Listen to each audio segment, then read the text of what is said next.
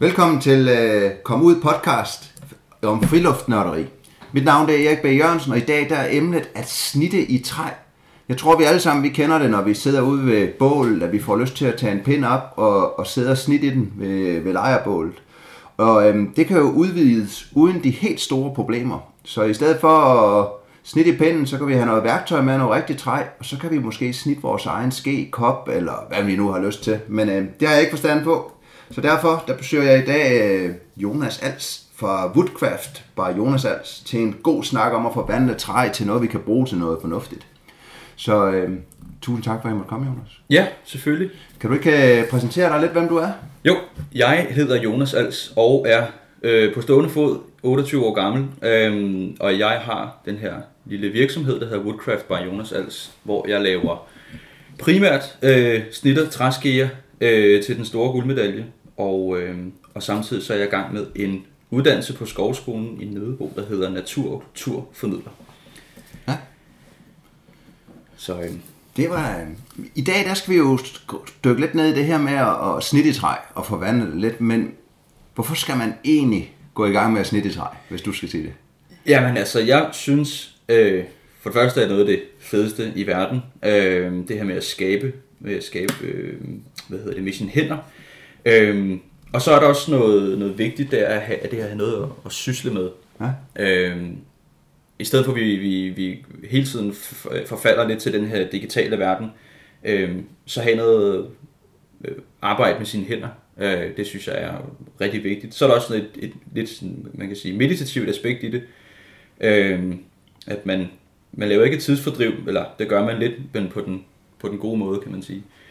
Øh, og så, øh, så, så har jeg skrevet her lidt for sjov, at, øh, at altså, man kan sige, det her det er, det er bæredygtigt håndværk, og vi skal redde verden med at lave træskeer.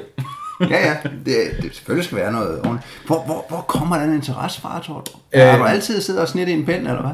Ja, ja, det startede nok helt klart med, at øh, at jeg var spejder, da jeg var, da jeg var barn, og, øh, og havde nogle forældre, der var spejderledere. Ja. Så det er ligesom kommet ind fra starten med, at jeg har været ude i naturen. Øhm, og så det her med knive. Drenge og knive, det er en rigtig god kombi. Ja. Det er en tiltrækningsfaktor, der er meget, meget stor. Så jeg har altid, jeg har altid lavet noget i træ, og synes, det var sjovt. Men, men, øh, men jeg var på en efterskole nede på Lolland, der hedder Nysted Efterskole. Ja. Og, øh, og der var en lærer, Peter Killenfeldt, som, som inspirerede mig sindssygt meget med flintehugning og øh, det her med snit i træ og lave alle mulige naturting. Det var, det var simpelthen et fag på skolen, eller valgfag, eller hvad? det var, det var en linje. Øh, tre dage om ugen gik man bare not i, i naturhalløj. Og kommer der som sådan en bumse og, og når, du siger natur, det, det, det er mere det her med at forme noget for naturen. Ja, det, var, det er at give unge mennesker en noget oplevelse, øh, som de slet ikke har, stort set ikke formentlig har rørt ved. Øh, det her med at sidde og lave altså, flintehuggeri, lave pilespids og sådan noget flint, eller snit en smørkniv, det er der altså ikke mange, der prøver. Ja, nej. Så det, det, det tændte noget i mig fuldstændig, øh, og så er det bare stukket af siden. Så Og da du så, var det så allerede, da du stoppede på efterskolen, øh, lå det så stille lidt, eller gik du videre med at snitte? Ja, det, det stod lidt stille. Øh, der var så lidt i det, at man lige kunne vende lidt tilbage til det. Det var, det, det var helt klart, da jeg, da jeg blev far til, til tvillinger, og, øh, og også blev alene med dem, at jeg ikke rigtig kunne gå nogen steder. Når de andre tog i byen, så sad jeg herhjemme og, og passede børn. Ja. Og så kunne man lige så godt bruge tiden fornuftigt til at, at lave andet. Så, så fra at sidde og lave lidt smørkniv øh, om aftenen og sidde og hygge sig til, at, at jeg laver 20 eller 30 skeer om ugen måske, og der er træspåner på gulvet. Og i Ja, der er snittebænk herinde, og der, vi har, hvad har vi, 40-50 skærer liggende i en bunk her, Ja. i forskellige stadier. Så, Ja. øh, Så, det, så, så hvad skal man sige, barndommen fik dig i gang med at snitte i, i træ, og, Ja. og det er jo egentlig den glæde, man egentlig skal sige, det er nok også derfor, vi skal snitte i træ, ikke? Jo. Fordi, jeg i hvert fald, øh, jeg har ikke gjort det ret meget, skal jeg sige. Jeg har siddet og snit i pinden og smidt den væk, men øh, det har jeg lige købt noget nyt værktøj til, så nu skal der ske noget, når jeg sidder og snitter ved et bog, ikke? det lyder godt. Men, men nu skal jeg jo høre, om jeg har, jeg har købt det forkert. Fordi øh, hvad, hvad kræver det værktøj for at komme, for at komme i gang? Hvis vi sådan deler det lidt op, hvis vi kunne vi prøve at kigge på den helt simple løsning, og måske lidt mere udvidet og snakke lidt forskellige slags værktøj. Ja, altså, øh, hvis, vi, hvis vi tager den simple kontra øh, den, øh, den udvidede, kan man sige, den, den, den simple løsning er jo i virkeligheden at anskaffe sig en kniv Og der findes rigtig, rigtig mange knive på, øh, på markedet. Øh, jeg anbefaler altid, at man skal ud og have sig en Mora Ja. ja. øh, snittekniv.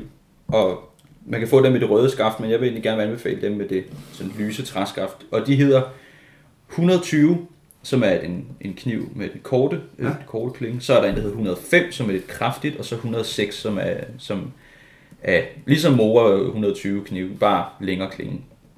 De koster 150 kroner eller noget lignende. Og det kan ikke fås bedre i min verden. Øhm, Og, du, og du, vil, vil du gå efter tre knive?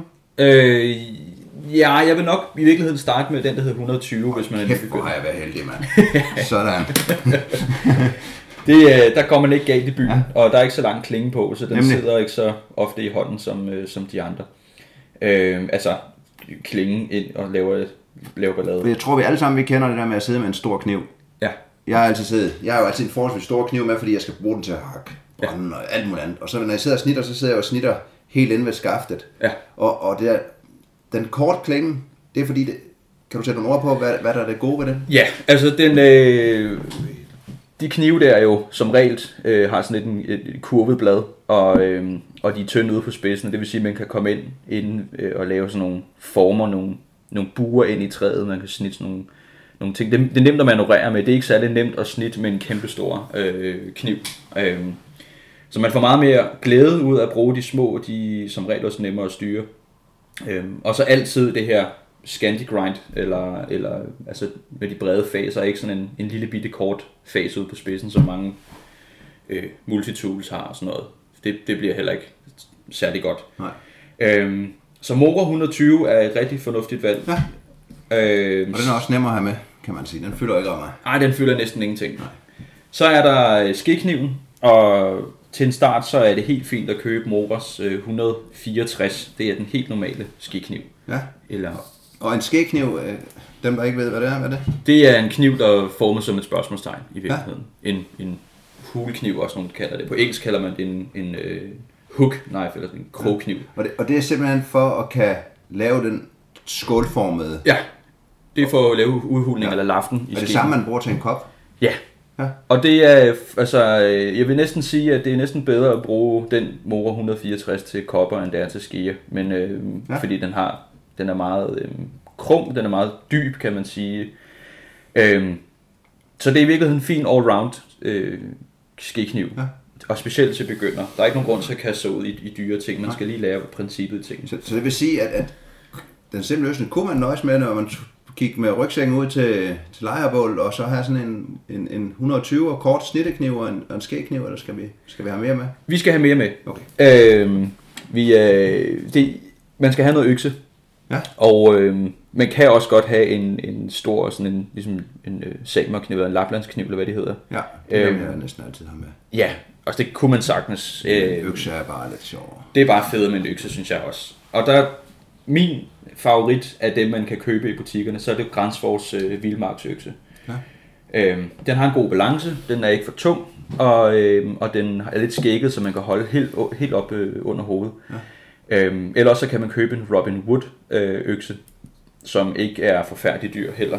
Øh, den er lidt billigere end græns, øh, hvad hedder det, ja, Grænsforsøksen. Ja. Og til sidst, så vil jeg også anbefale, at man køber sig en lille øh, træksav eller foldesav. Ja. Øhm, og det kan være en fiskers til småpenge. Ja. Øhm, Lad os lige vende øksen. Øksen, det er simpelthen bare til at økse grovmaterialet ud. ja. Ja.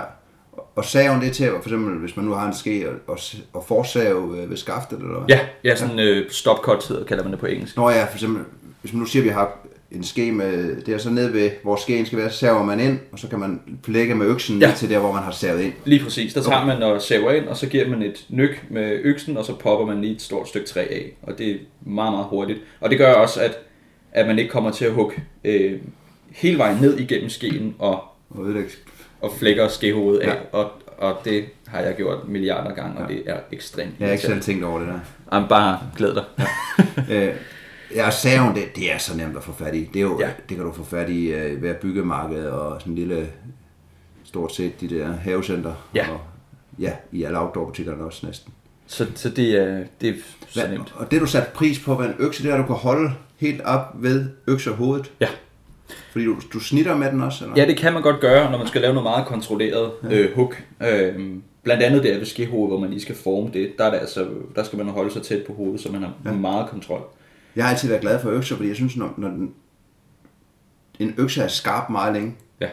og, og, og så når man sidder og holder, så ligesom, når man, når man sidder der og hakker, man kan hakke ufattelig fint. Ja. Når man ligesom bare lige giver sig tiden til at blive ved med at slå det ind af. Ja, og, og hellere øh, 10 små hug for meget end, end 3 store, fordi så kommer man også øh, enten selv galt afsted, eller man kommer til at ødelægge det, man sidder med. Øhm, og så skal det også være skarpt. En økse skal gerne være, ikke nødvendigvis lige så skarp som sin knive, men, men den skal være, den skal være vas. Den Ja. skal være godt skarp. Øhm, ja. Hvis man så skal udvide det helt øh, lidt, Ja, hvis man skal øh, ikke gå hysterisk all in som mig selv, men bare, øh, bare noget mere, øh, så igen, de her tre forskellige snitteknive er en rigtig god øh, løsning. Ja. Øh, gerne have 120 med det korte og 106 med den, med den lange klinge, så er man egentlig meget godt dækket hvor, hvor, hvor, hvor, hvornår begynder du selv at skifte mellem en, en kort og en lang klinge? Jamen i virkeligheden så bruger jeg faktisk kun den lange. Øh, lige nu bruger jeg den, der hedder 105, fordi den har et tykt håndtag. Det, er- det er rigtig lækkert øh, for mine hænder at holde på. Ja. Øh, men det kan være, hvis man skal lave nogle små detaljer. Øh, så, så kan der altså den der den lange klinge, det, det kan være meget langt at sidde Du sidder og fumle med. Ja. Og når du snitter så meget, så, så er det klart, så, så har du det mere i hænderne. Ja. Ja. Øhm, skeknive skal man gerne have to forskellige. Man skal have en meget åben, Ja. øhm, som næsten er flad, for at lave de her flade, glatte, eller ja, altid glatte selvfølgelig, men, Ja. men øhm, til spiseskeer for eksempel, fordi en spiseske skal gud hjælpe mig ikke være dyb. Vi har ikke en overlæb på, der hænger 4 cm ud over munden. Nej, altså en, en, en halv liter Ja. suppe ind ad gangen. Ja, det, det skal faktisk være meget fladt. Ja. Øhm, så der skal man have en åben, og så skal man have en, en mere lukket, Ja. øh, som, som man kan komme øh, lidt i dybden. Jeg synes, jeg har set i min lille bitte research, at, at der er nogen, der er skarpe på begge sider, Ja. og nogen, der ikke er. Ja. Ja, det er fedt, du hiver det frem, fordi at jeg vil aldrig anbefale at have en dobbelt ægget øh, skikniv. Nej. Øhm, Fordi man ikke kan lægge fingrene på, eller hvad? ja, ja. simpelthen. Jeg bruger rigtig meget min, min venstre øh, tommelfinger og min venstre finger i virkeligheden, jeg er højrehåndet, til at presse med eller skubbe og understøtte. Og, og det kan du ikke rigtig med en dobbeltægget, fordi så- så, ja, den er ligesom skarp. Ja. Øhm, jeg vil hellere anbefale, at man har en højre og en venstre. Øhm, fordi at man med den højre hånd, der, der skærer du ind mod dig selv med højre hånd. ja. Når du har en venstrehåndskniv i højre hånd, så, så vender øh, øh, æggen, kan man sige, det skarpe, det vender væk fra dig. Ja. Så der kan du trykke den. Øhm, det er en rigtig god øh, ting at have, Ja. at kunne. Øhm, så Og alle sammen, når du, nu sagde, før du sagde, du en mor 164 til kopper og skætter, de findes både i højre og venstre. Ja. Øh, når vi snakker den ult, eller ikke den ultimative, den udvidede løsning her, så vil jeg slet ikke bruge morer til, øh, til skiknive. Nej. Der vil jeg, øh, der er øh, nogle, nogle enkelte, som jeg synes er fænomenale. Det er svensker, øh, Hans Karlsson øh, hedder de, øh, og de findes op i Motala i, Ja. i, øh, i Sverige. Og de er nogle af de bedste i verden til at lave øh, værktøj. De er super dygtige, og de ved, hvad de laver. Ja. Øhm, og hvis man vil gå lidt mere til den, så er der en, der hedder Nick Westerman fra øh, Wales, Ja. som også er øh, hammerende dygtig. Øhm, det er toppen af poppen i, i min verden. Jeg skal lige skaffe nogle links til dem, der sidder og lytter. Ja. Så, så lægger vi i, i show notes. Det er, ja. det er super. Øhm, så det er sådan, en- det er sådan skiknivene. Der er, man kan også få nogen, der er altså sådan en ringkniv, og jamen, jamen, der er mange forskellige ting, men som udgangspunkt, så skikniv fra, fra Hans Karlsson, højre og venstre, åben og lukket.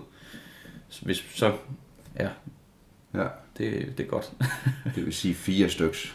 ja, altså man kan også, også godt have en venstre hånd i den, i den lukkede, Ja. øhm, og, så, og så højre hånd åben og lukket, ja. vil jeg sige. Så tre, tre det, er, det er en god idé. Øhm, så har jeg skrevet øh, økse og, og tænksel. Tænksel det er sådan en udhulingsøkse. Øh, økse. øhm, Kan du få sætte nogle flere? Hvordan? Ser den helt anderledes ud? ja, i stedet for at øh, på normal økse, så sidder det, øh, hvad hedder det, øh, hvad kalder man det? Ikke horisontalt. Men øh, Vertikal. ja, vertikalt præcis. Ja. Og en udhulningsøkse, der ligger den faktisk bare. Ah, på den måde, ja. Ja, det er ligesom en gammel hakke. Ja, Ja, og så, og så er den bare øh, Ja, rund. rund. Dem har jeg tydeligt set ved vikingeskib øh, og Ja. ambulance. Ja. Og jeg bruger igen Hans Carlsen, det er... Øh, Kan du, og hvad hedder øksen der, sagde du? jamen det er øh, altså En Sphinx ting, Tingsel, T. T-A-N-G, S.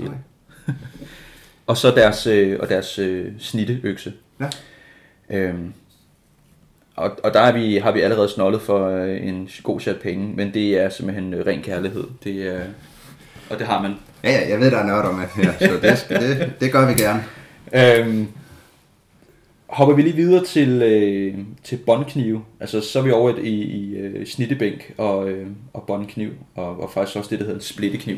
Ja, Øhm. hvad er en båndkniv? Jamen, båndkniv, det er øh, en, en kniv med to håndtag. Ja, den man ser folk sidder og trækker hen af Øh. Ja. afbakker med og sådan noget også. Ja, Ja, Det er rigtig god. Øh, altså, det her det er et lille fitnesscenter i virkeligheden, fordi man, øh, man sidder og træner sine rygmuskler og, øh, og biceps ved at, øh, at, at trække med sådan en båndkniv. Det er fantastisk. og, og, og den er kun egnet, når vi siger, så er man over i snittebænk. Ja, Det er ikke noget, vi sidder med nogen andre steder. der er nogen, der vælger at tage det med ud på frilufttur, men så er det ikke øh, længere vandreture, altså sådan en primitiv snittebænk. Ja, Øhm, man kan ikke rigtig bruge en båndkniv til, altså hvis man ikke har en snittebænk. Det, det bliver lidt meget intimistisk. ja.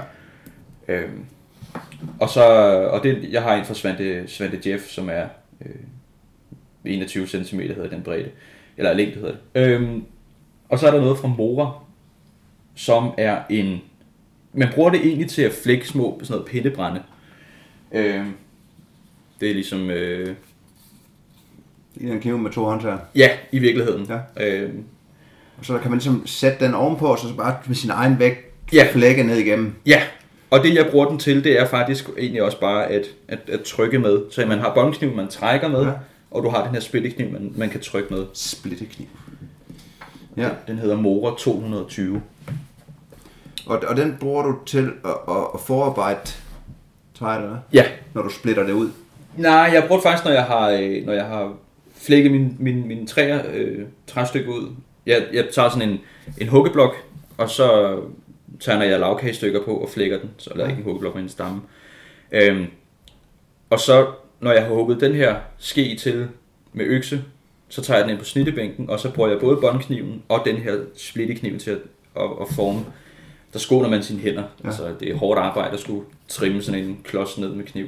Ja. Så man bruger alle Man bruger ligesidig krop og hele sin vægt til at, ligesom at kan, kan Ja. det bedre ned med. Ja, til at hele tiden. Ja. Ja. Og så, den, så har den to faser i stedet for båndkniv, som kun har en fase og flad i bunden. Så Ja. kan man... den, går bedre lige ned igennem træet. Ja. Øhm. Så det er sådan lidt den udvidede øh, Ja, del. Uden øh, den, øh, hvad skal man sige, fylder det hele. Ja. Ja. Så, så man kan sige, det med, med båndkniven og splittekniven, det kan man jo godt tage væk, hvis man ikke skal, altså hvis man er på ja. vandretur. Vandretur. Hvis vi nu siger, bare lige for at vende det, inden vi kommer ud på, på vandreturen igen, kan man sige, men en snittebænk, Ja. øh, er det noget, man laver selv, eller er det, findes det også? Det er helt, øh, jamen det er meget forskelligt. Ja. Ja. Øh, det her, det, den har jeg købt. Jeg har også to andre. Øh, jeg har tre i alt fra Svante, ja. Svante Jeff der. Øh, og det er, jeg synes, de er nogle af de bedste. Fordi de har en, der er en masse huller på siden. Og så man kan justere, hvor, hvor meget du skal lukke over. Ja, Ja. og øh, man kan også sagtens lave dem selv i træ. Ja. Øh, det, jeg, jeg kan bedre lide altså, dem her, som er lavet fra, fra nogle andre, men det er mere til mit behov. Ja. Øh, man kan også godt lave nogle helt enkle nogen, som egentlig bare er en, øh, man spænder rundt om maven, og så har man øh, det, man, man træder på med benene, så man kan spænde ud. Det er sådan en meget simpel en. Den kan man have med også på vandretur ja. og sådan noget. Men, øh, men jeg kan bedst lide dem her. Ja, det er også når du arbejder så meget med det. Ja, fast inventar Ja. i stuen. Jamen, det jo fornemt. Så har vi i hvert fald kigget lidt på, på materialet, kan man sige. Ja, Og, og materialet er en ting, den anden det er at bruge det jo. ja, øhm, for at vi kan komme i gang med at bruge det, så, så kræver det jo også noget træ.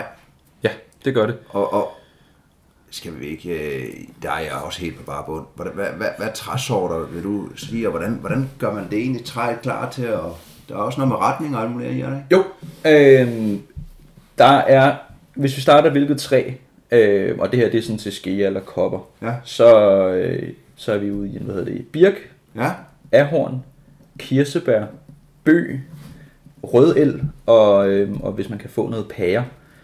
Øh, hvis man er til, som nybegynder, ja. så, så vil jeg klart anbefale, at man får fat på noget, noget birk eller noget... Øh, Åh, oh, her, hvad var det nu? Ja, birk og rødel, synes jeg. Ja. Det, det, rødel er lidt en smule blødere og lidt mere... Øh, det er lidt mere rart mod sine hænder, fordi man, hvis man ikke har snittet før, og der ikke gør det så meget, så er man helt slagtet i hænderne, hvis man går i krig med ahorn eller kirsebær. Eller Ja. bøg. Og, og birk, hvad, hvad, hvad er de gode egenskaber ved det? Jamen, birk er til at få fat på stort set overalt. Ja, det er jo Øh, altid, man regner med ude ved bålet alligevel. Ja, Ja. så, så det, øh, det, det, er- det kan man altid, hvis man må, øh, et sted, hvor man må fælde et lille birketræ eller, eller noget. Og mange steder ligger der også, hvor de har hugset det i skoven og lader det ligge. Ja. Så det, man kan sige, birk, det, det, det forgår ret hurtigt, det begynder at rådne ret stærkt, så, så øh, jo friskere, jo bedre. Ja. Og, jeg, og alle mine skeer er i frisk træ. Øh, det er først lige, når jeg næsten er færdig med dem, de tørrer et par dage, og så bliver de snittet helt færdigt. Ja. Øh, tørt træ, det er, øh, det, det er simpelthen alt, alt, alt for råt, synes jeg, mod, mod ens hænder. Hvordan, det kan vi så godt tage nu. Det vil sige, at hvis man nu er amatør, Ja. som mit vedkommende, så kunne jeg forestille mig, at en ske, det tager rigtig, rigtig mange ture at lave. Det, øh, Er det et problem? Altså, man kan godt tage det med rundt omkring. Det, der er ulempen ved, ved frisk træ, det er, at har man det for tæt på bålet, når man snitter i det, eller lader man det ligge, nu gider jeg ikke snitte det mere, vi tager den i morgen, Ja. så, så revner det. Ja. Stort set altid. Øh, så det, man skal gøre, det er, at man skal have en plastikpose med, og putte det ind i, og sørge for, at det er stadig fugtigt. Ja. Øh, man, Så fugte op, og så kan man godt være et halvt år om at snitte den. så, så er det en god idé at putte det i, i, hvad hedder det, i, i fryseren, når man kommer hjem. Ja. Fordi det, det affugter egentlig ikke, øh, hvis man specielt hvis der har en pose, så er det, så er det fint. Øhm, og så kan man snitte lidt på det og lægge det tilbage igen. Øh, hvis man har en stor klods træ, og man snitter lidt på det, så ej, nu venter jeg lidt, så, så, altså, så, så flækker det, hvis det ikke kommer nogen steder hen. Ja. Øhm, så der er også det der med, at det, det er en rigtig god idé at få, få taget så meget med øksen som muligt, og komme, altså jo tyndere træet bliver, jo mindre er øh, risikoen for, at det flækker. Okay, så ligesom at sige, når, når vi har valgt det træ, så, så gælder det om at komme så, så tæt på grovformen som muligt. Ja. Første gang, kan man sige. Ja, faktisk. Ja. Og så i pose med det, skal, hælder du lidt vand nogle gange? Øh, nej, nej, fugten i træet er egentlig nok til ja. at, øh, at holde det. Og, og, og frosten, det gør bare, at der, det, det, der er. Ja. Ja. Jeg tror, jeg tror ikke, det affugter, altså der var meget tørt i den fryser, ja. men jeg, Hvad, Det- hvis vi lige skal tage træsorten, når vi nu er i gang, altså, Ja. ja. jeg, jeg vil jo nok ende i noget birk. ja. Det er til at få fat i, og man kan genkende det. Men hvad er, hvad er fordelen ved, ved de andre træsorter? Hvor, hvorfor vælger du andre? Øh, jeg øh, prøver som regel at arbejde i ahorn eller kirsebær, fordi det er meget tættere. Ja. i fibrene, det er hårdere, og jeg synes, man får et meget mere lækkert finish. Birk, det er sådan lidt mere, øh, det er lidt mere groft og ikke lige så stærkt. Ja. Og øh, det flosser også lidt nemmere. Så man får en meget længere levetid på ahorn og kirsebær, er min erfaring. Ja. Øhm, Og, og, og øh, kirsebær og ahorn har samme kvalitet i træet, når du snitter i det, synes du? Du kan ikke mærke forskel på de to. nej, der er næsten ikke. Nej. Det, er, det er meget det samme. Er det, er det Det- fordi, det- er mere langsomt voksende træer? Eller hvad Det, er det tror jeg egentlig ikke. Jeg tror, at ahorn øh, er i virkeligheden er... Hurtigt. Ja, den skyder ret Den er bare hård. Det er bare, det er bare hårdt. Ja. Øhm, ja, og så er det... Øh, ja, ja, det er smule hårdere end, øh, end birk. Ja. Og så bøg, det har vi jo også mange steder herhjemme. Ja, og det er øh, sindssygt hårdt. Øh, så der skal man have ekstremt skarpt værktøj. Øh, og så frisk som overhovedet muligt. Ja. Jeg har lige fået noget i forgårs op fra, op fra Gilleleje, som jeg er meget lykkelig over, at jeg skal, skal lave en hel masse i. Øh, men jeg kan laver, godt mærke... Hvad laver du i bøg? Jamen det er så lige nu er det øh, træske. Okay. Hvad, hvad, hvad, hvad, når vi så lige er i træsorten, når vi får det færdige produkt, Ja. er der så forskel på, om det er en ahorn, eller en bøg, eller en birk? Øhm, Du sagde, at der var holdt lidt former, men, men kan man opføre de så forskellige i mad, eller?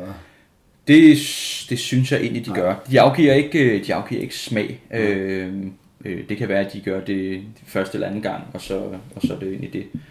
Øhm, ja, så jeg synes ikke, der er kæmpe stor forskel i det, Nej. faktisk. Så som nybegynder, så tag noget birk og noget for, det er nemt at komme til, og det er blødt, og vi kommer godt derudad, og, Ja. og så hvis man får mod til det, så kaste sig noget ahorn og kirsebær. Ja, Også fordi ahorn det er vokser så mange steder, og det bliver anset som et, et selvsået affaldstræ ret, øh, ret, ret mange steder. Ja. Rød el er, er næsten bedre end birk til at starte med. Ja. Øhm, er det til at få fat i? Ja, det synes jeg også. Ja. Det, det er måske lidt sværere end, end birk, men, ja. øh, men man skal bare hive fat i de forskellige folk, eller skovfolk, eller lad være med at købe det tørt. Øh, Lad være generelt med at købe tørt træ. Det koster penge, og det, øh, og det ikke særlig sjovt at arbejde i. Nej. Øhm, det er nemt at få fat på, på træ generelt. Eller ring til træfælder, eller privat skovejer, eller sådan noget. Ja. De er til at snakke med. Hvordan... Så, nu har vi snakket træ. Mm. Så, så mere selve... Nu, nu bestemmer du, hvad slags træ vi tager, men hvis vi nu siger, nu har vi fået fat i et stykke stamme, Ja. kan vi prøve at snakke om, hvordan du mig fra stamme til at kan starte med at snit? Ja. Ja. Altså, øh, inden vi... Vi kan lige snakke øh, hurtigt komme ind på, at øh, jeg bruger altid ret vokset skovtræ, det vil sige lige stammer uden sidegrenene og, og knaster og alt muligt. Ja. Så ret som overhovedet muligt, og gerne i en, en størrelse, der hedder mellem 20 og 30 i diameter, øh, centimeter. Ikke? Ja. Øh, fordi så laver jeg de her lavkagestykker, hvor jeg bare banker dem ud. Øh, man kan også godt tage øh, træer, som er krogvokset, altså hvor de, hvor de svejer, og så Ja. få skålen på skeen til at følge det her svej, så får man en, en mega stærk ske. ja. Jeg synes, jeg har set nogen, der går sådan og kigger de der sidegrene og så sådan. Ja. ja. Ja, så, Men det er mere nørdet. meget nørdet, ja. og når man lige kører i bil i en skov og lige spotter et eller andet halvøje, så det lige før man klodser bremsen og lige bakker tilbage, fordi ja. det, det er godt. Men det er lige der, der slipper man mere for ubehageligheder i form for knaster og... Ja, altså, de, de kan være lidt, øh, de kan være lidt tricky, nogle af de der. Øh, så, så tag, find nogle træer, og, der er randvokset, og undgå sidegrene de her knaster, så, så det er et godt udgangspunkt. Og gerne, gerne, gerne 15, over 15 cm Ja. i, i, i diameter. Så det, Ja. øhm, Kan det også blive for stort? ej, det, det kan også godt blive meget voldsomt, men altså igen, 20-30 cm, det er fint. Det, ja, det synes jeg, men det er også... Altså, hvis du bare er en tur i skoven, så, så er det bare at tage nogle af de små træer. Altså, Ja. Til mit behov, der, der hopper jeg jo, får jeg bare nogle, nogle triller, og så, Så går du i gang. så går jeg i gang. Ja. øhm, og ellers, når man, når man starter på den her, det her stykke træ, den her klods, til at få arbejdet så ned igennem, øhm, jamen, få lavet de her små lavkagestykker, og, øhm, og så form dem med øksen. Øhm, det, det er... Og når, når du har sådan et trekantstykke, nu, nu ser vi, hvis det er en større ske, så er den måske 30 cm høj, og så har du en, et lavkagestykke, hvor den er spids ind i den ene ende, og, Ja, og 10-15 cm bred på den anden. Ja, altså jeg plejer, øh, jeg, jeg vil gerne have dem ud, så de er, hvis vi siger, det er 15 cm langt lavkagestykke eller bredt, Ja, og det er trekantet, Ja. så få arbejdet ned, til det faktisk bliver sådan et rektangle. okay, så ligesom en lille lægte. Ja, Ja. præcis. Det er altid nemt, ud, godt udgangspunkt. Øh, det er nemt at tegne sin skabelon på, når man har en ske med. Det er, det er altid gode ting at gøre. sige op. Når man har en, en lægte så, så tegner du på lægten Ja, skeformen. Ja. Så ligesom man ser en sideværs på skeen, så man kan ligesom tegne håndtag, buen. ja det, det kan også være en god idé. Jeg plejer tegner du? faktisk altid bare at lægge skeen ovenpå, så du Okay. har formen set Formen. ovenfra, og så tegne rundt. Ja, så man har la- dækket et bord, så man har lagt den, så lægger man den oven på træet, og Ja. så tegner den den vej. Ja, Og, og så begynder du at, at skære den mere til, eller økse den til. så bliver der, så bliver det, der økset derud af. Og, Og, så den lille sav, skal man lige huske. Ja. ikke miste... Øh, ja, præcis. Øhm, okay. så det er egentlig altid tegn på, og hver gang du har fjernet stregen, tegn det op igen. Fordi Ja. pludselig så sidder man og drøner derud af og tænker, hold kæft, nu kører det. Ja. Og så er man kommet helt ud af den, den skabelon og den form. Og det er faktisk det, du har liggende her på bordet også. Det, er- eller hvad? Ja, en lille smule. Dem, dem har jeg også øh, dem har jeg tegnet en lille smule på. Ja. Øhm, jeg ved ikke, om jeg har nogle andre. Nej, dem har jeg jo Nej. Men det, det ligner jo en lægte, som man så kan se øksesporet ned langs siden, og så bliver den lidt bredere ned for enden. Ja.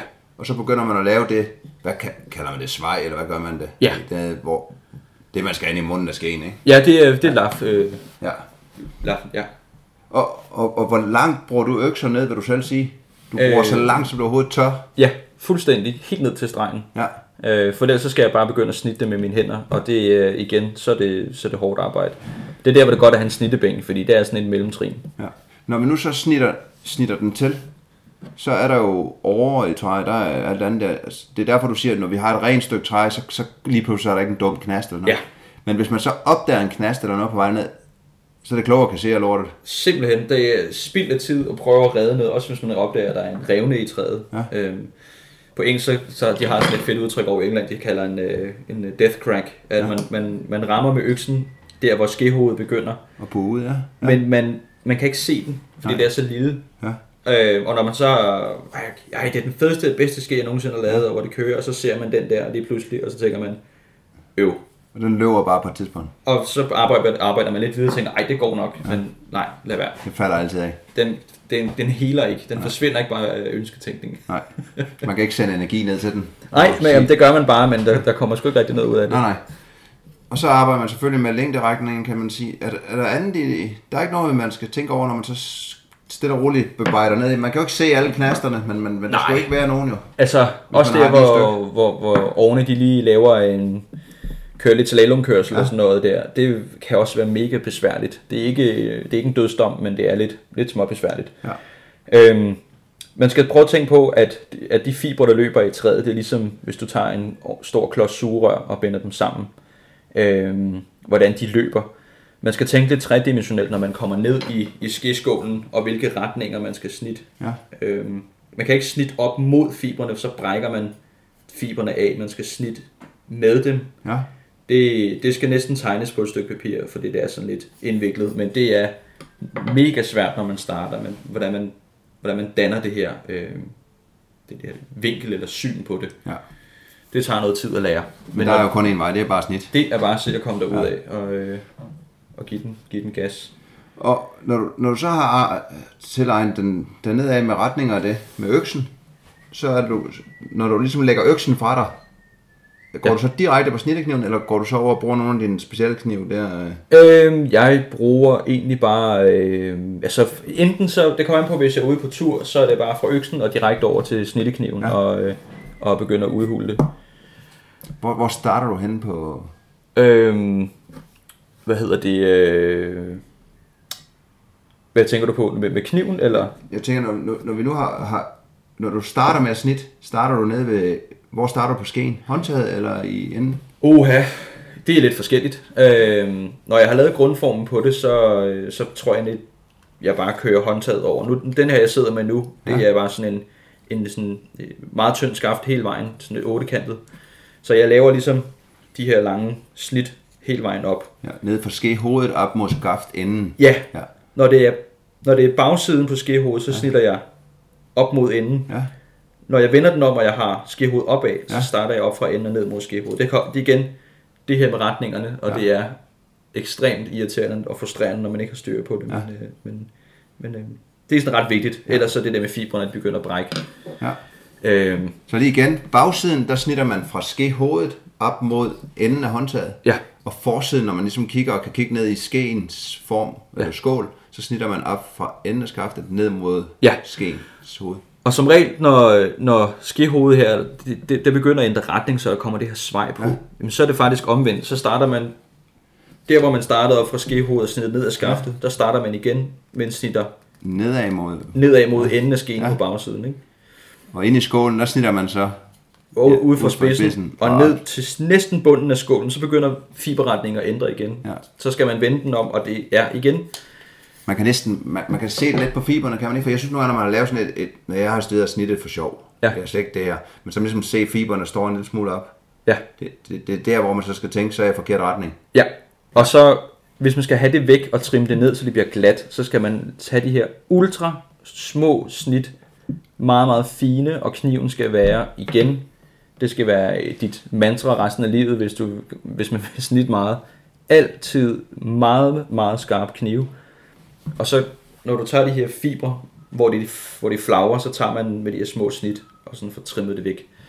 Øhm, fordi ellers så bliver man ved med at snitte den ene vej, og så begynder fiber den anden side at poppe op, og så vender man den om og snitter, og til sidst så har du snittet pinden over, eller skeen over, eller noget. Ja. Det bliver vi lige nødt til at vende nu her. Nu siger du skarp kniv. ja. Hvordan sliver du din kniv? Jamen, jeg har, øh, jeg gør det på to forskellige måder. Hvis det er, hvis det er lidt hurtigt og groft, så har jeg, eller ikke groft, men sådan hurtigt, så har jeg sådan en, en Tormek, sådan en vådsliber. Øh, men hvis det skal være på den, på den rigtige og på den ordentlige måde i forhold til knive, så gør jeg det på sådan nogle japanske vandslibsten. Ja. Og dem har jeg købt fra, fra Ray Mears øh, hjemmeside øh, på et tidspunkt. Ja.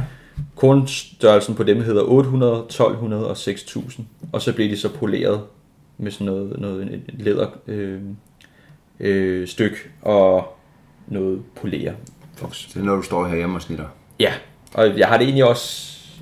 Ja, så har jeg noget, så kan man også bruge øh, til skiknive specielt, men egentlig også alt andet. Øh, det her sorte, øh, hvad hedder det, sandpapir, man kan købe i byggemarkedet. Ja. Øh, gerne fra 800 eller 1000 og op til 3-4.000 stykker, også gerne højere.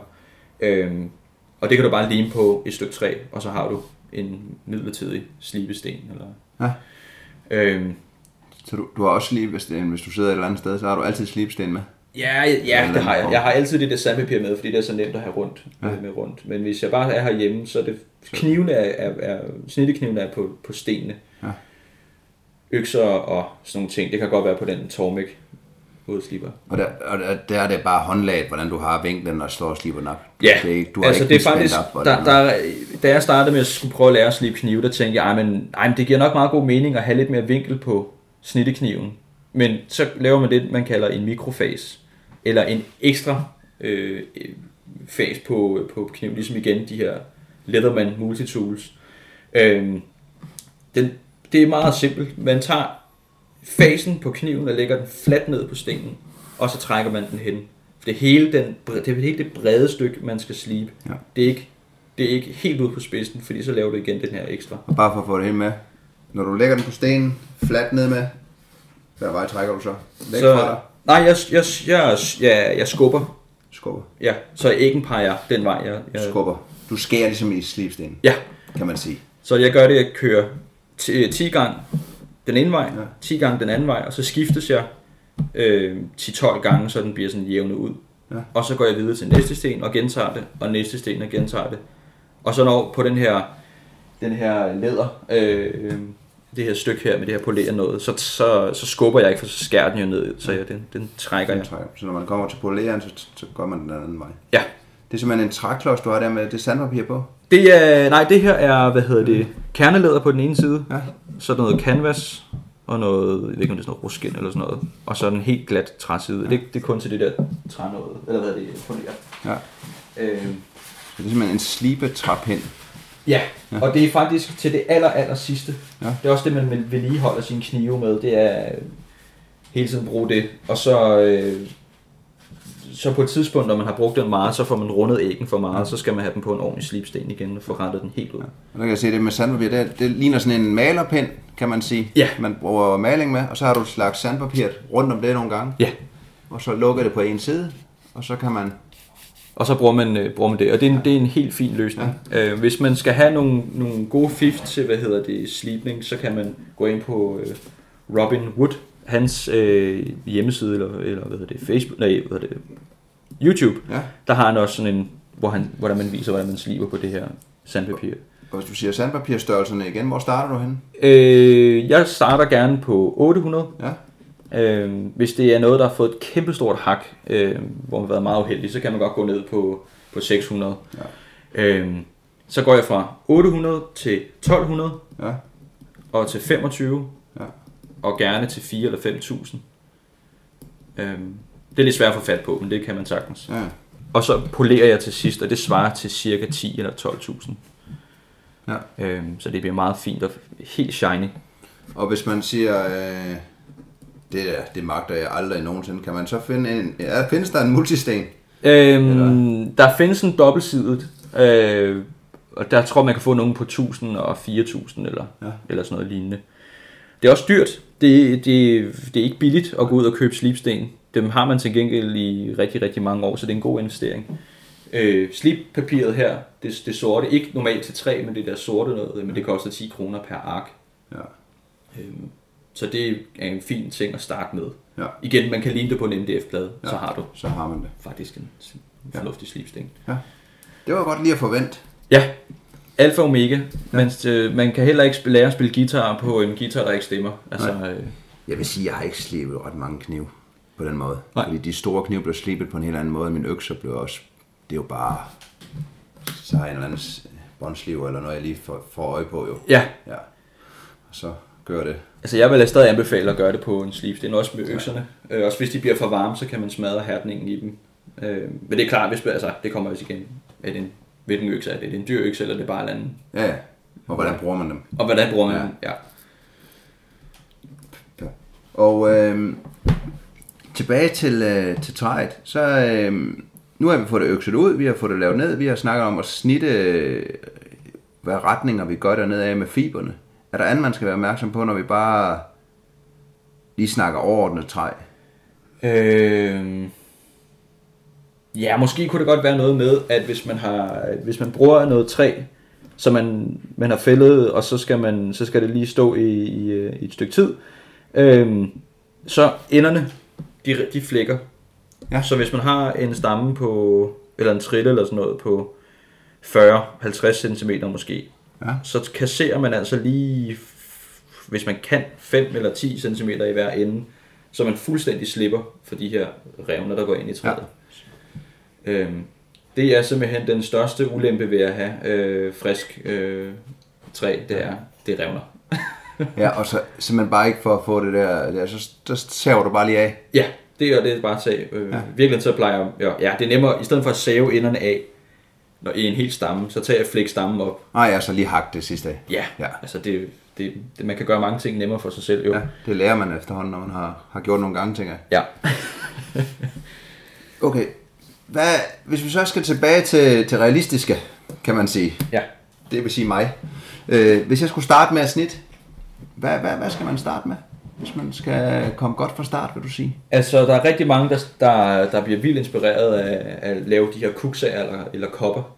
Øhm, hvis det er det, du tænker på, hvad man skal starte Ja, med. de der øsekopper, man kender, der man kan købe i Sverige og hængende og dængende på rygsækken, Ja, hvis man ikke har De er super fede og, øh, og, og sjove at lave. Øh, de er bare, de er lidt svære og tricky, fordi at træet må ikke være for tykt, fordi så revner det, når det tørrer. Ja. Så kan det have mere fugt, og når det affugter, så ja, det er der revner, der kommer. Øhm, de må heller ikke være for tynde, fordi hvis de er for tynde, så igen, det er små fi, det er fibre, der sidder i, det er sugerør. Altså Ja. vandet og kaffen, den, den suser lige igennem. Så der skal stadig være en knappernap, knappernap en, en centimeters tykkelse på. Øhm, og så er også forskelligt, om det er endefibrene, eller det er ude siden. Ja. Ja. Fordi jo endefibrene, der løber det jo. Ja, jeg igennem. tror, koppen den står som sådan en klassiker. Der ligger en lille en her, kan jeg se. Ja. Det står som sådan en klassiker for folk. Altså, det er sådan, Ja, men alle, alle vil, vil super gerne øh, lave sådan en, og, og der er rigtig mange, der løber med panden lige mod muren, fordi det er faktisk mere kompliceret end, end som så. jeg har, altså, det er en helt anden sag. Ja. Jeg har bare aldrig fundet ud af, hvad jeg skal bruge dem på på tur. Nej, Fordi jeg lægger ikke at øse vand op, fordi jeg gider ikke at være syg. nej. Altså, Øh, og, og, jeg, og øh, jeg drikker ikke te i det, fordi så, så skal jeg jo hælde op 200 gange, når jeg skal drikke min 2-3 liter te. ja, Ja, Altså- det er super sødt. Altså, det, det, det er jo det, der virker som... Altså, det, det er ligesom Svende på. ja, det er det, det er det lidt. Og der er en, en af de dygtigste, jeg kender til at lave dem, han hedder Alexander Jørgs fra USA, og han er totalt on fire. Øhm, han, jeg tror, han banker 20 kuksager ud øh, på en uge. Øhm, store, lækre, flotte. Ja. Han er helt vild. Jeg har også set dem ligesom med sådan to fingerhuller Ja. og alt muligt andet. Øh, Men, men, men, men, men til, ideen i den, der vil du stadigvæk sige, det er et stykke rent træ. Det er ikke der, hvor man skal finde knuden på træet. Eller. Jo, den der. hvis man kan finde knuder, ja. så er det 100% det, man skal bruge. Fordi at retvokset træ og kuksager er ikke altid den bedste idé. Øh, en, en knude er jo sugerør, hvor det hele bare er en stor ja, knude, ligesom, altså kludermor. Ja. Så, så vandet det suser ikke lige igennem som, i en, i, som en øh, motorvej. Ja. Øh, så det er helt klart det, man skal have fat på. Ja. Øhm, men jeg vil helt klart anbefale at folk starte med at lave smørknive, eller, eller endnu mere kedeligt, kan man sige, øh, spisepinden. Det er en rigtig, rigtig god øvelse at lave, og prøve at lave de her lange snit. ja. Øhm, Og den er jo også sådan lidt tykkere i den ene ende og lidt... ja, det er en rigtig god øvelse, ja. og så kan man små lave, lave små indhak og sådan noget, dekorere det. Øh, smørkniv, spisepinde og simple skeer. Ja. Øh, også fordi skeer, det kan du altid bruge i dit køkken. Og også smørkniven, fordi den, den er helt flad. Ja. Altså, det eneste, man skal tænke på i formen, det er selve knivformen. Ja. Der er kun en dimension, eller hvad skal man sige, det er en dimension mindre end en ske. Ja. Ja. Det bliver meget mere tricky, når man skal op og lave nogle, nogle, nogle lidt hissige øh, træskeer. Ja.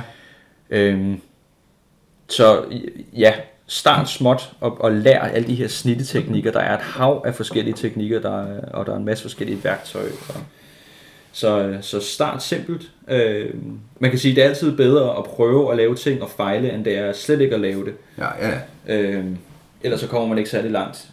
Og hvordan, når man nu, øh, da du startede, Ja. var der, hvordan følte du, kom det hurtigt, det her med snitteretningerne, eller, eller? Mm, altså i starten, der var det jo sådan lidt, der flossede det jo helt vildt, fordi ja. ens værktøj ikke var særlig skarpt, og, øhm, og, og så tænkte man, Nå, men hvis jeg kan lave det glat, så kan jeg altid bruge sandpapir. Ja. Og, øh, og, og, og jeg, altså sandpapir er, er fint nok, øh, jeg bruger det aldrig, og jeg vil egentlig også anbefale folk, at faktisk ikke at bruge det, altså heller, men prøve at, at igen det her, skarpt værktøj, skarp knive er lige med en silkeglat overflade på sit træ. Det vil sige, når jeg sidder med de her fine, fine, fine skære her, du har liggende på bordet, Ja, hele den her flade, man har inde i munden og tager suppen, eller hvad det ender op, Ja. den, den er snittet? det er snit.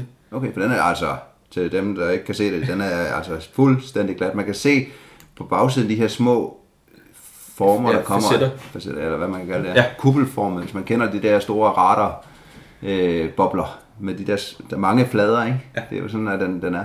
Så, så sandpapir, det, så har man ikke lært at snit. Altså, det, det er jo min holdning. Ja, men der, det- og der er også mange, det er- altså, øh, Det er den rigtige nu jo, det er dig, der snakker. Der er nogen, som, som øh, er nogle af de dygtigste folk i verden, som, som bruger sandpapir til, til, til laften, til, Ja. til skålen derinde, for at få det helt glat, øh, og bedst kan lide det. Altså, det der sker med sandpapir, når man bruger det, det er, at man, man lægger fibrene ned. Ja, Når der så kommer vand på, så, så rejser de sig, så bliver det sådan lidt loddent. ja. Så skal man tørre det, så kan man slibe det finere, og så give det vand, og så, altså, så vander man det ud, mener jeg, man kalder ja. det. Men jeg har det sådan lidt, det er en proces, der tager 10 gange så lang tid, som, Som at bare tage snit. en kniv, bum, et snit, og videre. Ja, okay, groft sagt. Men Ja. you get the point. Ja. Slip sin kniv, lav det finishen. Ja. Ja. Og, så, og så er der noget mere. Jeg, jeg kalder det, det er, mit, det er mit fingeraftryk som håndværker, at man kan se alle snitfacetterne, som er silkeglatte. Det giver også, det, det, det jeg sidder med, de, de er jo, altså, det, det er jo fedt, når man lige sidder og drejer den i lyset, så kan man lige se Ja, små bitte kanter. det er så Ja. ja. fedt. Det, Og det vil sige, jeg har lavet en spisepind, jeg har lavet en, øh, en smørkniv, så, øh, så, så er det måske en mindre ske, en simpel ske. Ja, den der, den har også. Ja. Op. de er sådan helt Ja. ja. lange. Og det gør jo også det unikke. Ja, Altså, det, det her, hvis man ikke vil have en unik ske, så går man i IKEA og køber en til 10 Ja. kroner, ikke? Ja, fordi det her, det, det er jo fedt, når de ligger på bordet. Ja. Der, det jeg kan sige til lytterne, det er jo, der ligger 10-12 skeer, der ligner fuldstændig hinanden, men når vi så lægger dem op i lyset med bagkanten, eller der, så, så kan vi lige se skinnet med. Ja. det enkelte snit. Ja.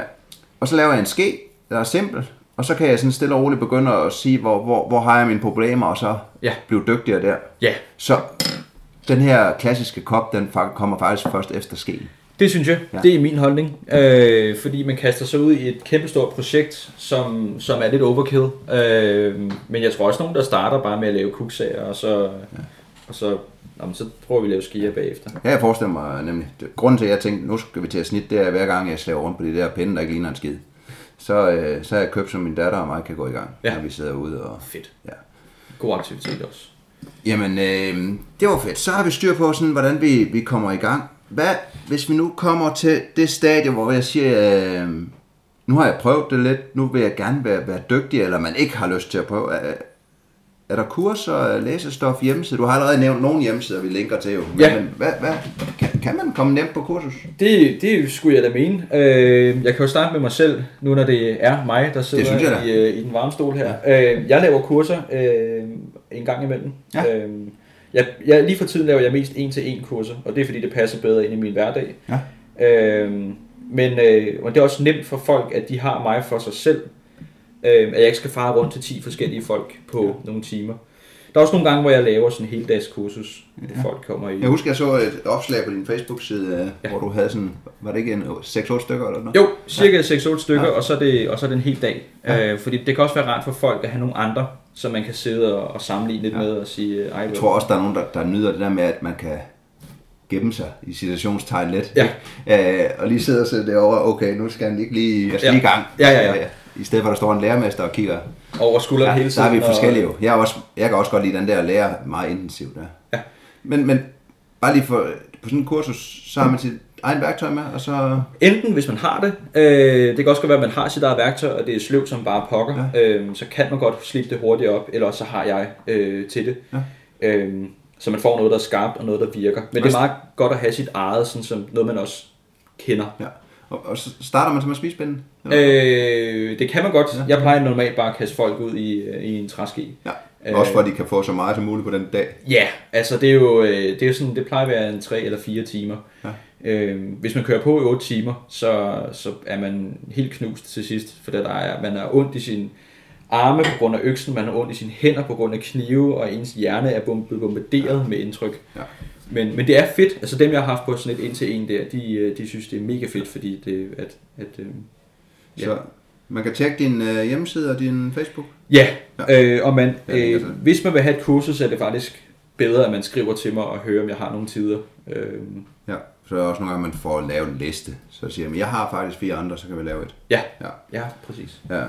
Hvad, øh, og, og, og jeg ved også, at øh, rundt omkring, der er jo også noget aftenskolehold og sådan noget, nogle få steder. Ja, hvis jeg har, lavet, jeg har lavet noget øh, AOF, eller hvad det hedder, ja. øh, og, og det var egentlig også øh, meget fint. Det, det ligger bare på et dårligt tidspunkt, når man er Ja, ja, alene med to tvillinger og, øh, og studerende og alt det der. Ja. Ja. Øh, Hvad med, hvad med læsestof? Øh, der Ja. findes vel et hav, men øh, får man ikke øh, starter med de forkerte, er der noget bestemt der? Eller? Ja, der er meget kvali- øh, kvalitet, og der er også rigtig meget rigtig ringe stof. øhm, der er, hvis jeg skal vælge tre bøger, øhm, som jeg forguder, Ja. så er det... Øhm, den første er, jeg tror den hedder...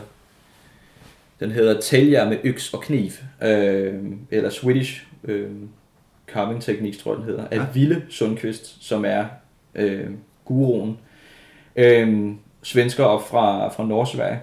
Og så er der hans øh, søn, Jøkke Sundqvist, som er en fantastisk gut. Jeg har haft en fornøjelse at snakke med øh, rigtig mange gange Ja. og, og møde. Øhm, og han kalder mig en superstar. Det er, det er meget, meget stort. øhm, han har skrevet nogle forskellige bøger, og øh, man, skal, man skal lige ind og undersøge dem. Øhm, der, er, der er nogle forskellige, men de nyeste af dem er, er meget, meget fine. Han har helt sit eget formsprog, tager meget udgangspunkt i sådan, den svenske folkekunst. Ja. Øhm, og så bryder ligesom nogle, nogle traditioner på en, på, på, på, en, på en fantastisk måde. Ja. Den, den bedste af dem, der lige er for tiden nu, det er faktisk ham, der hedder Barn the Spoon øhm, fra, fra England, Ja. øhm, som også har det her The Greenwood Guild. Øhm, han startede en shop i, i London, og så sad han derinde og snittede skeer hele dagen. Og så kom folk gående forbi og kiggede og gik videre, og så kom sådan lige bakkende tilbage igen og tænkte, hvad fanden er det lige, jeg har set? Ja. og sidder en kæmpe stor mand og snitter træskeer. Inde midt i, øh, i, i tøjbutikkerne området her. Ja, det er sådan et hipsterområde, han, øh, han, han, han havde. Øhm, nu, jeg tror, den er nedlagt, den, eller den er lukket, den butik, fordi det var noget med, med noget, noget legeperiode, lidt af hvert. Men han har lavet det her, The Greenwood Guild, og de stormer frem, de er så dygtige. Ja. Han har lige lavet den her bog, som hedder S-P-O-N, øh, Spun med sådan en streg over. Ja, vi laver link. Ja, som indok bare betyder spåen. Det er sådan lidt deraf. Ja. Øhm, fed bog. Han er så vild. Super energi, og øh, Men er meget illustrativ, eller hvordan tænker du? Ja. ja. øh, de laver også øh, en masse kurser i England. Ja. Øhm, Så man kan sige, jo, så er der øh, Snittefesten, som er i den weekend, der kommer nu. Ja. Øhm, Den passer næsten til nyhedsblokken, kan man sige. Ja, folk burde lige Ja. ja. kunne nå at komme med. Jeg tror, der er stadig nogle billetter. Ja. Øh, Jeg har lavet workshops de sidste par år. I år der er der desværre et bryllup, der kommer i vejen, så der kan jeg ikke være med. Ja, det er simpelthen bare alverdens ting, man snitter. 100 mennesker, der møder op og er på workshops med ekstremt dygtige folk øh, her fra Danmark. Og er det alt, man snitter? Ja, det er træskeer, det er lær at lave dit eget økseskaft, Ja. ja. øh, figurer og smykker, tror jeg også, man kan, man kan snitte. Så Ja. der er øh, viking, viking ornamentik ja. og sådan noget. Så det er, øh, det er fedt. Ja. Øhm, Og så er der vel forskellige messer rundt i, i verden. Ja, altså der er, øh, det er i virkeligheden nok festivaler. Øh, Festival. Der har lige været Spoonfest over Ja. i England, det er det største, der findes, med de dygtigste i verden. Øh, Og så er der tel, Telfest, at, at tælje, det er snitte på svensk. Ja. Og det er oppe øh, på Cedarglenten, hvor man uddanner, øh, hvor de uddanner hemsløjtskonsulenter oppe i, Ja. oppe i Dalarna. Ja. Øhm, det er vist hver tredje år. Hvordan, hvordan, øh, nu når du lige siger de her ting, nu bliver jeg nysgerrig, det er helt uden for, for men, men, men øh, oplever du ligesom alt andet, nu er der økologi, og nu er der alt muligt andet der, at det, det er under stærkt fremgang, ikke? Ja, helt sikkert. At, at folk, ikke nødvendigvis de gider snit, men det vil gerne have det, ikke? Jo, øh, der er faktisk rigtig mange, der, der gerne vil lære snit. Ja. Altså, de craver det der med at bruge deres hænder. Ja. Og så er vi gået helt amok med bæredygtig og økologi, og, øhm, og det synes jeg jo også selv er fedt, at, øh, at, man, at man hopper på træske, i stedet for bare at gå ned og køber enten plastik eller altså bambus. Ja, ja, men, men du skal lige tænke på, at det er stadig blevet fragtet hele vejen over fra den Ja. anden ende af, af verden. Og, og når det her træ, det blev savet om, selvfølgelig kommer der biller i det og alt muligt andet, men, men det træ, man tager, og det, det er jo spildtræ, som man ikke, altså på den måde, så man, man, man får jo noget godt produkt. Ja, altså jeg, det træ, jeg, det, det er træ, der er stået i folks haver, eller, eller ja, skoven. Ja. Ja. Folk, der har fældet det i skoven. Det, Nu, nu kan jeg se, at der ligger så mange skær. ja. Hvem, hvem, hvem, hvem køber skær? Øhm, jamen, jeg, øh, jeg, her, jeg har været på, på det lille marked oppe i Gilleleje, og det, er sådan, det er mange forskellige folk. Det er, nogle folk, de tænker, har du fuldstændig tabt småkage, man kan købe den for 10 kroner. Ja. Andre folk, de tænker, det er det fedeste, jeg nogensinde har set. Jeg, jeg skal have dine ting. Det, det er meget forskelligt. Det, er Det skal simpelthen være den faste morgenmadske. Ja, Ja. og det siger jeg også til, til folk, at, at mine skeer koster, hvad de gør. Jeg bruger en time eller halvanden øh, på dem, måske to timer, hvis det er noget meget fint. Til gengæld så har du også den ske resten af livet. Ja. Og den skal gerne være den, du tænker hver morgen, fedt, Nu starter jeg. nu kører vi. Ja. Øhm, Og, og, og hvad med, hvad med ude i det større offentlige rum? jamen, øh, jeg er så øh, jeg er så heldig, at, øh, at øh, hvad hedder det, jeg har, jeg har 40 skeer liggende hos øh, Kado på Christianshavn, som er en etstjernet Mich- Michelin-restaurant. Ja. Og, øh, og nu er jeg faktisk i gang med at lave 60 til en 60-stjernet nede i øh, Paris. Noget, der hedder AT. Øhm, og min kæmpe store drøm er selvfølgelig at få lavet til, til Noma. Ja. Øhm, også fordi de har haft øh, træskeer, da de, de, da de har dem stadig. Øh, de har haft dem med rundt. Øhm, og det, da jeg så dem, så tænkte jeg, det der, det, det er fedt, men jeg kan godt gøre det lidt bedre, Ja. ja. kan jeg se bare på designet. Og jeg vil, jeg vil elske, at, at jeg, jeg vil se det som en kæmpe anerkendelse. Og det gør jeg stadig, når, når andre restauranter siger, ved du hvad du, det er skide fedt, det du laver. Og det spiller, det er rart at have spise med, det er rart at have i munden. Nu kører vi. Ja. Det er Øhm, fedt. Det er så fedt. Jeg, jeg kan slet ikke, øh, jeg, jeg kan få optur over det øh, hele Det tiden. fører mig lige til et andet spørgsmål, vi ikke har vendt. Ja. Nu sidder jeg med sådan en træske. Ja. Den ligger på en uh, Michelin-restaurant. Ja. Hvordan vedligeholder man driften af et, et træprodukt i, i sådan, når man spiser? Altså, men de folk, som inklusiv mig selv faktisk, der smider det i opvaskemaskinen, for det gør jeg med min egen skære. Ja. Det, det er godt at teste af, hvad de kan tåle. Jamen, de får forkortet deres levetid ret meget. Ja. Fordi De- det salt og opvaske taps og, og udtørring, det er altså rigtig hård kost ja. for skære. Så man tager det i virkeligheden bare og vasker det op i hånden med, med sæbe, øh, opvaskemiddel hedder det, og så, øh, og så tørrer det af og lader luft tørre. Og så kan man godt give det noget olie. Det, det gør det ikke så meget på Michelin-restauranterne, fordi det afgiver lidt for meget smag. Ja. Ja. Jeg, jeg bruger primært koldpresset øh, linolie. Ja. Det smager lidt øh, hissigt, øh, men det er en olie, som hærder. Man kan også godt bruge sådan noget som olivenolie øh, og andet madolie, men det harsker med tiden. Ah, ja. Så det er sådan, hvis du bruger det rigtig meget, så kan du godt give det det olie. Også olie for maden. Ja, fordi så, så, så slides det af. Ja, og så bliver det vasket Ja, ud. fordi det har jeg altid gjort med mine, jeg har nogle træske også. Ja. Så jeg har lige givet dem lidt madolie, fordi det bare er... Ja, Sådan. og, og det er helt fint. Altså, Så- så, bruger så- det ofte. Det er mere, hvis du har et skærbræt, du giver øh, olivenolie, og så lader du det stå i tre måneder, uden du har brugt det. Ja. Ja. Så bliver det ulækkert. Ja. Så øh, Så skal det være linolie. ja, det synes jeg. Ja. Okay, det var meget rart lige at få med. Ja, Så øh, har vi jo været godt omkring. Har du sådan et, et, et lille skjult tricks, eller noget, du synes, at, at det skal vi altså lige sende videre inden, Anne? ja altså jeg har to. Det, det første, det er helt klart det der, som jeg har nævnt mange gange. Slip værktøjet. Ja. Det skal være razor sharp.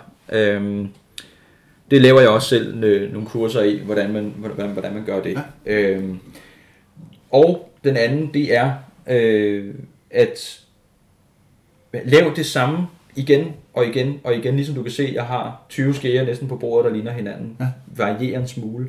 Prøv hele tiden at lave det samme, men, men, øh, men bliv bedre. Ja. For hver ske, prøv at, prøv at få tweaked den detalje, så den lige sidder spidse. Øhm, fordi det er sådan, man udvikler sig, at man, at man hele tiden prøver at presse sig selv, og ikke bare er i sin komfortzone. Fordi så kommer man ikke særlig langt. Øhm, og, og, og som rigtig mange, ikke bare fordi jeg selv sidder her og laver og sælger mine ting, men det hører jeg generelt fra rigtig mange andre. Køb andres ting, og støtte dem, ikke bare med at kopiere fra deres billeder, så det men, men, men ligesom give dem noget, noget pondus, noget økonomisk støtte på en måde. Ja, men så kan man også sidde og sammenligne den Ja. ske med sin egen ske. Lige præcis. Og sidde på detaljerne og sige, hold da op, de har lavet langt lige snit. Ja, Øh, fordi man ser ikke kun med øjnene, man ser inderligt også med sine fingre. Ja. Jeg plejer altid, når jeg er på markedet, så siger jeg til folk, kom, ja, kom endelig forbi, eller kom over og se med fingrene, og det må man godt her. Fordi det her, det er så, hvad kan man kalde det, taktilt eller sådan noget. men det ligger også forskelligt, de her, vi sidder og piller i. Ja. Ja. Så, øh, så, så kig med fingrene og, og, og kopier. Kopier lige så tosset man vil. Bare husk, hvis man laver direkte copy-paste, giv lidt credit til, til ham, der har lavet designet. Ja. Øh, men, man, men man lærer rigtig meget af at se, hvad har de andre gjort. Ja. Hvis det er noget, der virker, og de andre har gjort det sådan, så må det være, fordi det, det fungerer. Ja. Så det var sådan set, tror jeg, Ja. nogle, nogle gode råd. Her til allersidst, er der noget, jeg ikke har spurgt dig om, hvor du sidder og siger, det skal vi da lige have med? Eller, Øhm, jeg, tror, det, jeg tror faktisk, det skal være at nævne nogle af de andre folk, som også er på banen her. Ja. Fordi det er så meget opkoming, og der er så nogen, der bare er mega dygtige. og dem linker vi selvfølgelig også til, men uh, endelig nævn. Ja, øh, Heino, øh, som, hvad hedder det, øh, som laver rigtig meget bushcraft, han er, øh, han er, han er mega, mega dygtig. Ja. Øh, han giver den altså også øh, en ordentlig skalle. Ja. Øh, han har også noget på, øh, på hvad hedder det, på, på, på Instagram, der hedder Married to Nature. Ja. Øhm, så er der en, der hedder Mikkel Frederiksen fra, fra, øh, fra Jylland, som laver rigtig mange øh, drejer skåle på sådan en gammel vikinge drejebænk. Og øh, en, der hedder øh, Søren Engløst, som også nørder den godt med skeer. Altså der er, der er nogen, som... Jo, og så er der øh, Jens Katballe, som har, har holder en fed workshop øh, i weekenden. Ja. Øhm, og det er sådan nogle, jeg mødes med en gang imellem, og så Ja. bliver der altså Så bliver så nørdet. bliver der sat med nørdet igennem. Ja. Og hvis andre folk så os, hvis de ville tænke, hvad, fanden laver I? Kom, kom ud og lav noget andet. Ej, det er det, det handler om jo. det er så fedt. Jeg, jeg elsker det. Ja. Så, øhm, så det er nogle rigtig dygtige folk, og det er også nogle, man skal holde øje med, fordi ja. de, de giver den gas. Hvis jeg skal tage et andet emne, eller en person, eller noget, er der en, du vil foreslå? Ja, øh, det, det er måske ikke så meget forhold til snitning, men det er Nå, mere ja, absolut ikke til, til, til at give den gas med, med friluftliv. Og, øh, så, er det, så er det min, min friluft øh, underviser fra sidste semester, der hedder Johanne Christiani. Øh, hun, er, hun er virkelig, virkelig dygtig og, og har sådan meget med, kan man sige, sådan psykologi-aspekt indover os. Øh, det er fedt at tage ud i skoven og lave bål, og ja ja, men hvorfor? Eller altså tage, gå lige et niveau op. Ja. Øhm, hun har lært mig rigtig mange ting på det semester, jeg har haft. Øhm, og sådan en god inspirationskilde, så, så hun kunne være fed at, øh, at hive fat i. Det var et godt forslag. Ja. Hvor kan man finde dig hen, hvis man vil dykke ned i? Jamen altså, øh, Woodcraft by Jonas Als, det er på, på selvfølgelig på hjemmeside, Ja. øh, .dk, men det er også, øh, hvad hedder det, Instagram, det bruger jeg rigtig meget. Ja, det er også oplagt. Ja, og jeg prøver at smide et billede eller to op om dagen. Øh, Facebook har jeg også, og det, det er også endelig kom ind. Ja. Kig, stille spørgsmål. Alt muligt. Perfekt. Men uh, tusind tak for, at du var med.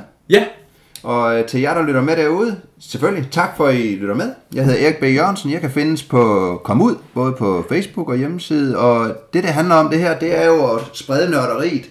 Så kan du lide det, du øh, hører her, jamen så del det.